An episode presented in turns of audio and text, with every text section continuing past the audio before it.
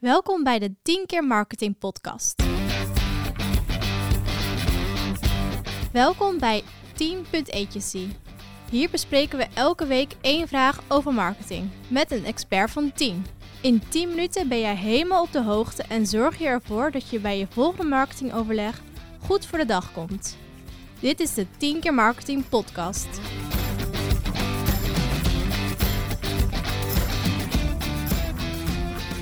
Mijn naam is Hanna en vandaag is de vraag: hoe haal ik het meeste likes op mijn social media post? De gast om het hierover te hebben is Rick. Welkom Rick. Leuk dat je er bent. Hey, Hoi. De vraag. de vraag. Wat eh, denk je als eerste als je dit eh, zo hoort? Heel veel volgers hebben. Ja, hè?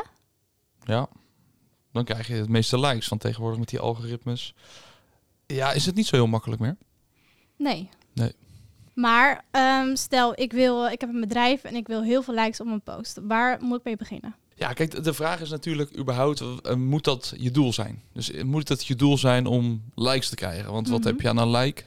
Die brengt niet per se geld in het laadje of iets anders. Het is alleen eh, goed om te zien dat je engagement hebt met je doelgroep. Dus ja, dat je, en een stukje status. Dat is denk ik ook wat je krijgt. ja, zeker als jij meer likes dan de concurrent hebt, lijkt het alsof jij geliefder bent bij de doelgroep Mhm. Ehm, dan dat dat misschien daadwerkelijk is of niet. Dat hangt er heel erg vanaf. Eh maar de meeste likes die krijg je uiteindelijk door content te maken wat goed aansluit bij de doelgroep en waar dus die interesse in is. Dan ga je de meeste likes krijgen en de meeste interactie. Ehm, nou ja, en je kan er ook voor gaan om de meeste reacties of de meeste kliks of andere dingen te krijgen. Het is niet dat het alleen maar om likes eh, draait natuurlijk op social. Nee, het gaat om het hele plaatje. Ja, breder, breder, Breder. zeg maar. Ja. Eh, we hebben het in de, in de vorige aflevering natuurlijk ook gehad over het creëren van die volgerscharen met first party cookies. Eh, nou ja, dat ze veel, veel volgers hebben, veel likes genereren en daardoor voorbij komen. Dat is zo'n manier om ervoor te zorgen dat je niet eh, altijd die tussenpartijen nodig hebt met adverteren of andere dingen. Dus als jij veel volgers hebt, dan scheelt dat uiteindelijk advertentiekosten en andere zaken, zodat je je doelgroep al makkelijker bereikt. Mhm.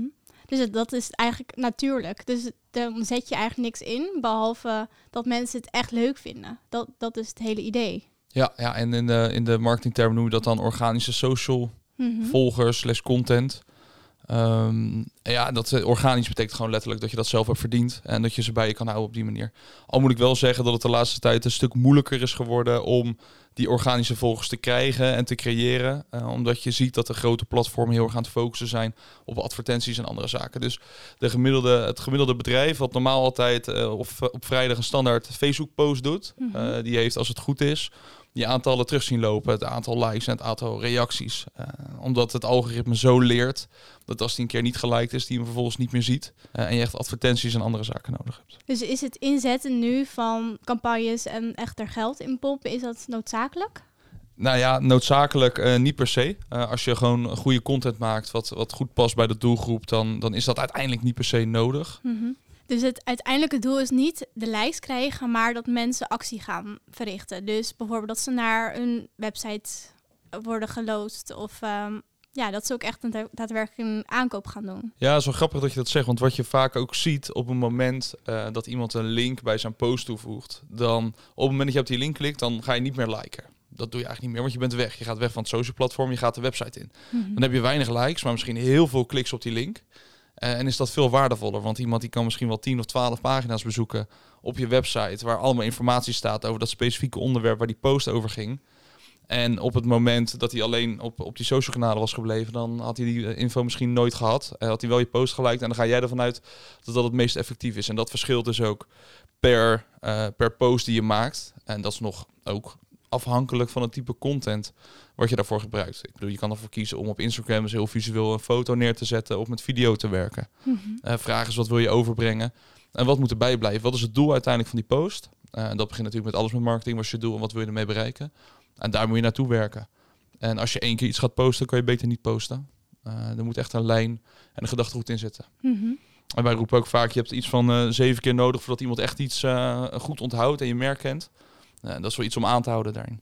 Ja, wat je ook vaak ziet is inspiratie en naamsbekendheid. Dus dat mensen het echt mooi moeten vinden. Dus bij, ik moet denken aan Apple. Die heeft bijvoorbeeld alleen maar mooie plaatjes van de natuur. En dat heeft niks te maken met computers op zich.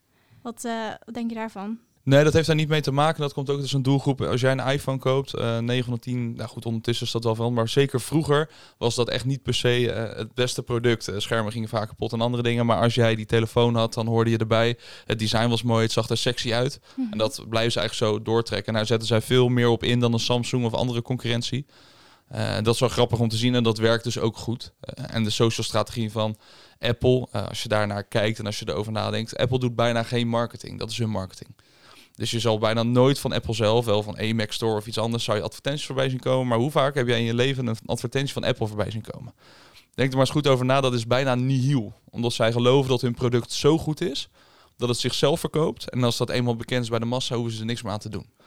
Dus jij hebt de iPhone, nou, dat is de iPhone 11, de iPhone 12 komt en je denkt, shit, ik moet hem hebben, zonder dat zij er überhaupt mee promoten. Ze doen gewoon één keer een groot event waar alle journalisten ter wereld bij zijn. Die plaatsen het op de socials, Apple zelf niet, bewust. En op die manier wordt dat gewoon doorgezet. En alleen dat event zelf wordt aangekondigd. Verder hebben ze eigenlijk niks nodig. En doen wij de rest met mond-tot-mond reclame. En de journalisten die pushen het door.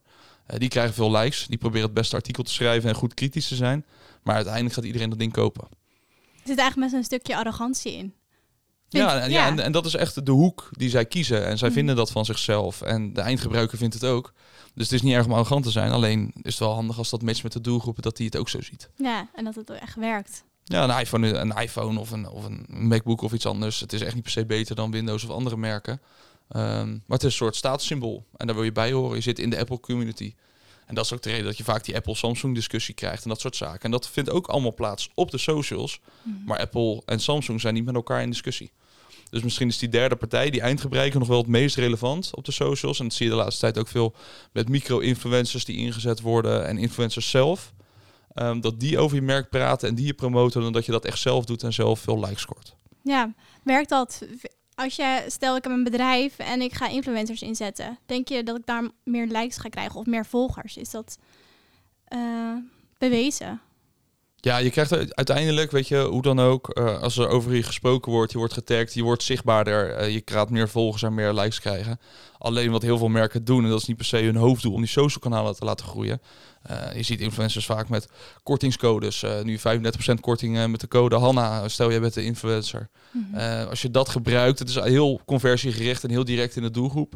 En dat komt ook omdat de consument en de eindgebruiker geen zin heeft om op Instagram en Facebook alleen maar dingen van bedrijven voorbij zien te komen. Vind je het veel leuker om te zien wat je vrienden en je andere uh, connecties daarin delen.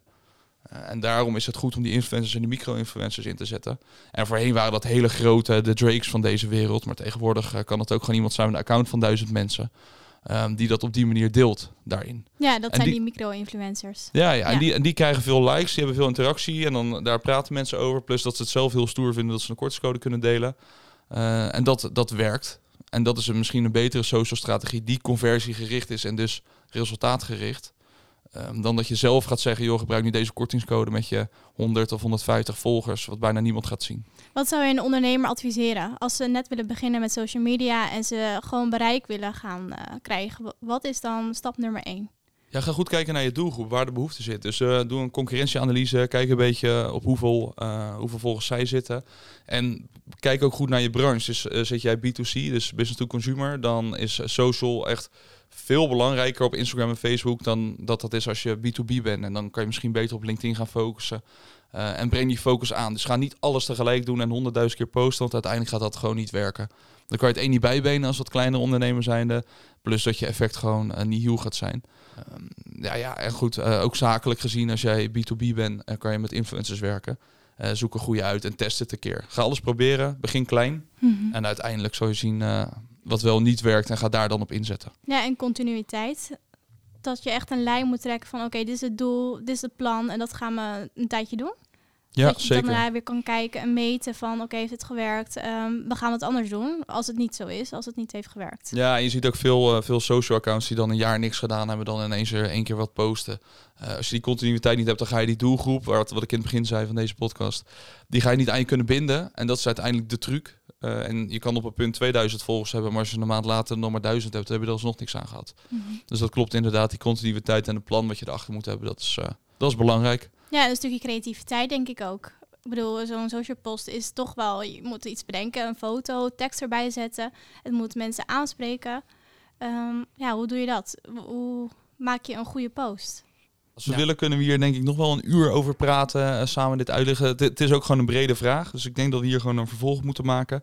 Uh, laat ik in ieder geval als, als antwoord daarop geven, zorg dat er iemand opzet die het leuk vindt. Uh, en gaat niet zelf zitten rommelen als je het eigenlijk niet leuk vindt, want dan ga je toch nooit continuïteit kunnen bereiken. Dit was een 10 keer marketing podcast. 10 minuten vol nieuwe marketing inzichten voor deze week. Bedankt Rick. En jij bedankt voor het luisteren. Wil je nu meer weten?